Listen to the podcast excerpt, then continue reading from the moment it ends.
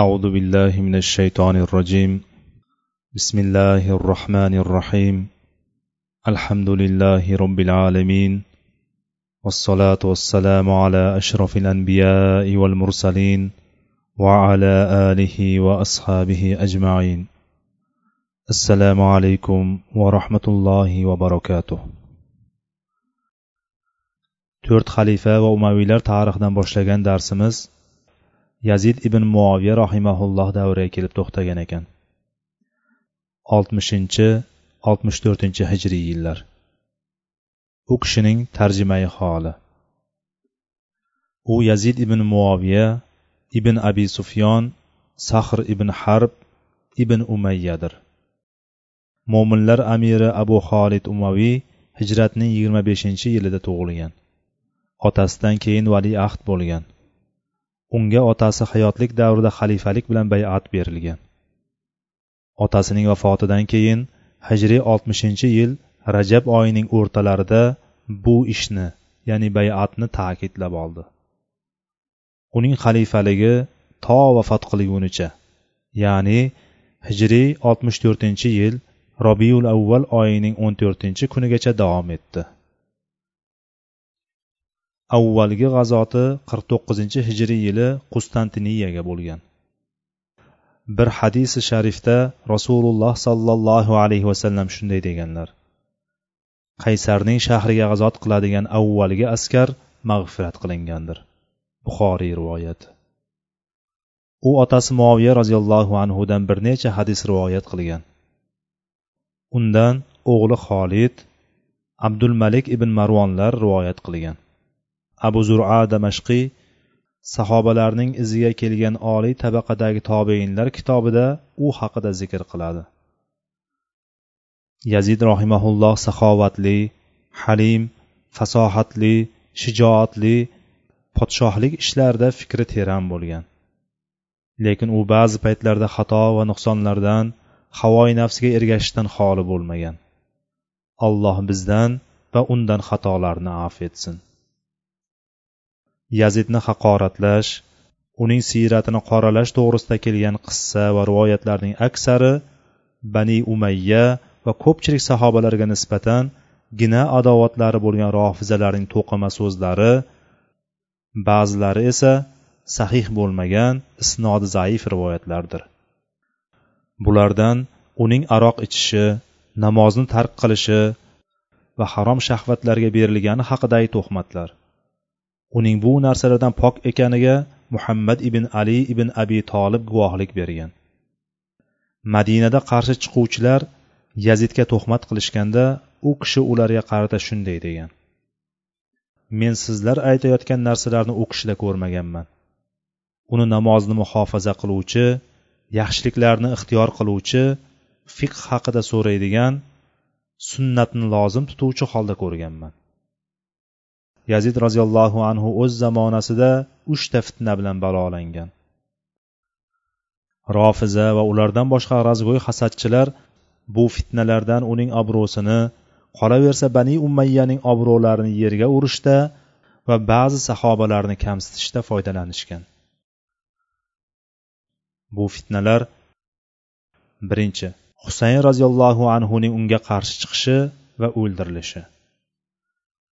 Ikkinchi madina ahlining unga qarshi chiqib bayatni uzishi va harra jangini sodir bo'lishi.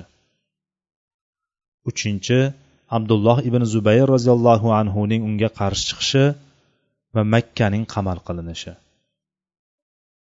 Haqiqatni ochiqlab berish uchun allohning izni bilan bu fitnalarni birma bir qisqacha aytib o'tamiz. Husayn roziyallohu anhuning unga qarshi chiqishi va o'ldirilishi. Muoviyaning o'g'li yazid xalifalikka o'tirgan paytda husayn ibn ali roziyallohu anhu madinada edi. Yazid madinadagi voliysi valid ibn utbaga bayat bermay o'tirgan kishilardan bayat olishi uchun maktub yozdi. Ular husayn ibn ali abdulloh ibn umar va abdulloh ibn zubayr roziyallohu anhular edi. Husayn ibn ali roziyallohu anhu buni bilgan paytda makkaga tomon yo'l oldi va u yerda o'rnashdi. Ana shu paytdan boshlab ba'zi odamlar unga jamlanisha boshladi. Ular sadoqatlarini bayon qilib uni umidlarga ko'mib tashlashdi. Fitna ahli musulmonlarning orasida ixtiloflarni boshlanishidan xursand bo'lib undan saflarni bo'lib yuborishda foydalanib qolish uchun reja tuza boshladilar. Kufa ahlining husayn roziyallohu anhudan tutgan o'rni. Kufa ahlining fitnachilari husayn ibn ali roziyallohu anhuning yazidga bayat bermaganini va u makkada turganini bilishgan paytda xursand bo'lishdi. Qandaydir umid uchqunlari nafslariga sizib kira boshladi. Ular unga madinalik chog'ida go'yo adashgan kimsa yo'lchi yulduzga yoki xavfsiz sohilga talpingandek talpinar edilar. Ular unga ketma ket maktublar yozishib makkadan kelib o'zlariga boshliq bo'lishlarini talab qilardilar. Va xalifalikka erishishi uchun unga qo'shilib bani umayyaga qarshi chiqishga tayyor ekanlarini e'lon qilardilar. Ularning nazarida husayn roziyallohu anhu xalifalikka haqliroq va loyiqroq edi. Ular buning oqibatida kelib chiqadigan fitna va qon to'kilishini e'tiborga olmas edilar. Husayn roziyallohu anhu amakisining o'g'li muslim ibn uqaylni bu haqiqatni bilib unga yo'l tayyorlab kelishi uchun ko'faga jo'natadi. Muslim ko'faga yetib bordi. Ko'fa ahli uni yaxshi kutib oldi. Uning atrofida o'n sakkiz mingga yaqin odam yig'ildi. Ularning hammasi husaynni qo'llab unga yordam qilish va'dasini berishar edi. Ana shu paytda muslim buning xabarini bildirib husaynga maktub yozdi. Husayn ularga borishga qaror qildi. Lekin yazid noman ibn bashirni ko'fa voliyligidan bo'shatib o'rniga ubaydulloh ibn zaydni tayin qilgan paytda ko'fa ahli muslimning atrofidan tezda tarqab ketdi. Zero noman roziyallohu anhu muloyim xushmuomala voliy edi. Ubaydulloh ibn zayd esa davlatni haybatini saqlab qolish tinchlik va xotirjamlik o'rnatishda qattiqqo'l va shafqatsizlik bilan ajralib turardi. Bu qattiqqo'l shafqatsiz voliyning muslim ibn uqaylning yordamchilarini taqib qilishi o'z ta'sirini ko'rsatdi. U ularning boshliqlarini yo'q qilishga qodir bo'ldi. Qolganlari esa muslimni tashlab ketishdi. Nihoyat u ham ushlanib qatl qilindi. Husaynning kufaga chiqishi. Husayn ibn ali roziyallohu anhu kufa ahlining chaqirig'iga javob qildi. Muslim ibn uqaylning maktubi yetib kelgandan keyin u yerga borishga qasdi kuchaydi. Bu maktub u yerda holat torayishdan oldin yuborilgan bo'lib unda husaynga o'n sakkiz ming kishi bayat bergani unga yordam berish va dushmanlarni tiyib qo'yishda molu jonlarini qurbon qilishga tayyor ekanlari yozilgandi. Xolis nasihatchilar husaynga nasihat qilib makkada qolishini qattiq iltimos qildilar. Iroq ahlining ilgari otasiga qilgan ishlarini eslatib unga ham xiyonat qilishlari mumkinligini aytdilar. Buning ustiga uning bu ishi jamoatni bo'lish va fitnani alangalatish ekanini tushuntirdilar. Unga nasihat qilganlardan ibn umar ibn abbos abu said al hudriy abu voqid al laysiy jobir ibn abdulloh va boshqalar bor edi. Alloh ularning hammasidan rozi bo'lsin. Lekin u kufa ahlidan ko'plab kelgan maktublar bilan ta'sirlanib bo'lgandi va chiqishga qattiq turib oldi. Husayn roziyallohu anhu kufa yo'liga chiqdi. U bilan birga oilasi bolalari va ashoblaridan bir qanchasi bo'lib hammalari sakson kishi atrofida edi. Yo'lda unga farazdaq degan taniqli shoir yo'liqdi. Undan odamlarning xabari haqida so'radi. U odamlarning qalblari sen bilan qilichlari esa bani umayya bilan birga. Qazo osmondan tushadi. Alloh xohlagan narsani qiladi dedi. Lekin u o'z yo'lida davom etaverdi. Farazdaq unga ishora qilgan iroq ahli va bani umayyadan kutilajak xatarni e'tiborga ham olmadi. Undan keyin husayn roziyallohu anhu kufadan qaytayotgan bakir ibn salaba degan kishiga yo'liqdi va undan kufada holat o'zgarganini husaynni qo'llab quvvatlovchilar uni qo'llashdan uzoqlashgani ubaydulloh ibn zaydning quvvati va qattiq qo'lligi oldida uni yordamsiz qo'yishgani muslim ibn uqayl o'ldirilganini bildi. Husayn uchun kufada biron kuch ham qo'llab quvvatlovchi ham qolmagan edi. Shu payt husaynga ba'zi ashoblari o'zingiz va oilangiz xususida allohga qasam ichib aytamizki kelgan yo'lingizga qayting. Siz uchun kufada qo'llab quvvatlovchi ham yordamchi ham yo'q ekan deyishdi. Lekin muslim ibn uqaylning birodarlari allohga qasamki biz o'ch olmagunimizcha yoki birodarimiz totgan narsani totmagunimizcha qaytmaymiz deb turib olishdi. Shunda husayn ana ulardan keyin yashashda yaxshilik yo'q dedi. Va o'zi bilan birga bo'lgan ozgina jamoa bilan yo'lda davom etdi. Husaynning karbaloga yetishi va o'ldirilishi. Husayn roziyallohu anhu ko'fa yaqinidagi karbaloga keldi. Unga ubaydulloh ibn zayd tayyorlab qo'ygan umar ibn saad ibn abi vaqqos boshchiligidagi jangchilar ro'baro keldi. Bu yerda husaynning yuzga yaqin odami bilan to'rt mingga yetadigan raqib askari orasini tenglashtirib bo'lmaydi. Buni ikki askar orasidagi urush deb nomlab ham bo'lmaydi. Husayn bilan umar ibn saad orasida so'zlashuv bo'lib o'tdi. Unda urush va jangni sodir bo'lmasligiga kafil bo'ladigan ajoyib taklif bo'ldi. Rivoyat qilinishicha u umarga mendan uch narsaning birini ixtiyor qilinglar.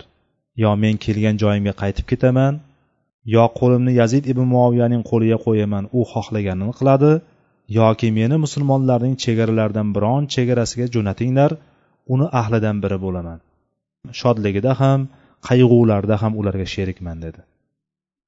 Umar ibn saad bu yaxshi natijadan xursand bo'lib tezda choparidan ibn ziyodga maktub jo'natdi. U husayn bilan urush qilishni yomon ko'rib turgan edi. Agar ibn ziyod uni o'ldirish bilan qo'rqitmaganda husaynga qarshi urushishga chiqmasdi ham. U askarlari bilan ibn ziyoddan javob kutib turishgan paytlarida hammalari husaynning orqasida turib namoz o'qishdi. Ibn ziyod maktubni o'qigach bu amiriga nasihat qiluvchi qavmiga shafqatli bo'lgan kishining maktubi. Ha men buni qabul qildim dedi. Bu ularning niyatlarining yaxshiligi fitna va nizoga rag'batlari yo'qligiga dalildir. Lekin shamir ibn ziljushin degan bir fitnachi kishi bu sog'lom fikrni o'zgartirib ibn ziyodga u sening yeringga va atrofingga tushib turibdiyu unda buni qabul qilasanmi? Allohga qasamki agar qo'lingga qo'lini qo'ymasdan shahringdan chiqib ketsa albatta u quvvat va azizlikka loyiqroq bo'ladi. Sen esa zaif va ojiz qolasan. Unga bu manzilni berma. Zero bu zaiflikdandir. U ashoblari bilan sening hukmingga rozi bo'lsin. Agar jazosini bersang sen o'shanga haqlisan agar kechirib yuborsang bu o'zingning ishing dedi. Ibn ziyod bu niyati buzuq kishining fikri bilan qanoatlanib umar ibn saadga shu fikrni yozib yubordi. Bu ibn ziyod tomonidan qo'pol xato zulm va tajovuz edi. Ibn sad ibn ziyodning buyrug'ini bajarib husayndan hech qanday qayd va shartsiz taslim bo'lishini talab qildi va uning ishida ibn ziyod xohlagan hukmini qilishini bildirdi. Husayn roziyallohu anhu buni o'ziga nisbatan xorlik va tubanlik deb bilgani uchun qabul qilishdan bosh tortdi. Bu yerda urush qilishdan boshqa chora qolmadi. Muharramning o'ninchi ashuro kuni oltmish birinchi hijriy sanada to'rt mingdan ziyod iroq askari va saksondan ziyod bo'lmagan husayn roziyallohu anhu yordamchilari orasida jang bo'lib o'tdi. Tarix husayn roziyallohu anhu askari ko'rsatgan jasoratlarini yozib qoldirdi. Zero ulardan husaynni tark qilib qutulib ketishlari talab qilindi. Ular buni rad qilib husayn roziyallohu anhuni himoya qilgan holatda o'z jonlarini fido qilishdi. Ulardan har biri toqati yetganicha jang qilib ortiga chekinmay oldinga intilgan holda birma bir yiqilardi. Ular bu bilan allohning oldida zimmasini oqlashdi. Hammasi halok bo'lib husayn roziyallohu anhuning bir o'zi qoldi. Shunda ham u kishi dushmaniga taslim bo'lmay qilichini ko'tarib olib jasur suvoriylar kabi jang qildi.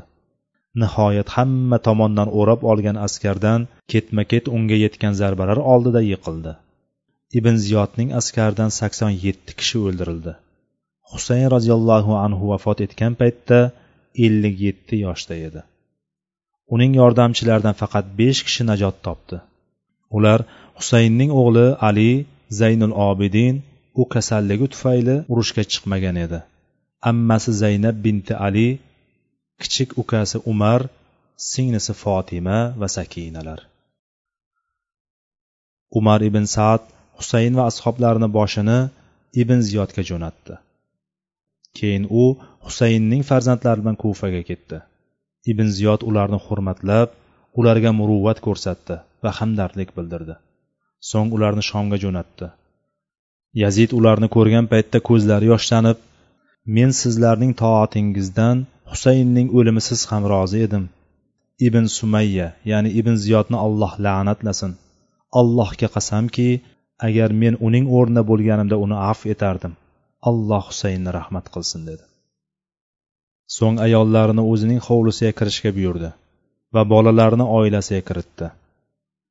Bani umayyaning ayollari husayn roziyallohu anhuga uch kun ta'ziya bildirib uning ahliga hamdard bo'lishdi. Keyin yazid hammasiga muruvvat ko'rsatib ularga sovg'a salomlar berdi va ularni madinaga jo'natdi. Shubhasizki husayn ibn ali roziyallohu anhumoning karbalodagi o'limi umaviy davlatini larzaga solib ularning saltanatiga xavf tug'dirgan katta voqea bo'ldi.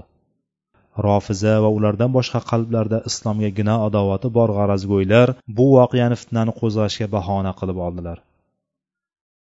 Bu qatl voqeasi rofizalarning qalbiga shunday singib ketdiki hatto husayn roziyallohu anhuning o'limi ularning nazdida rasululloh sollallohu alayhi vasallamni yo'qotish umar usmon va ali roziyallohu anhumlarning o'limi musibatidan ham kattaroq bo'lib qoldi.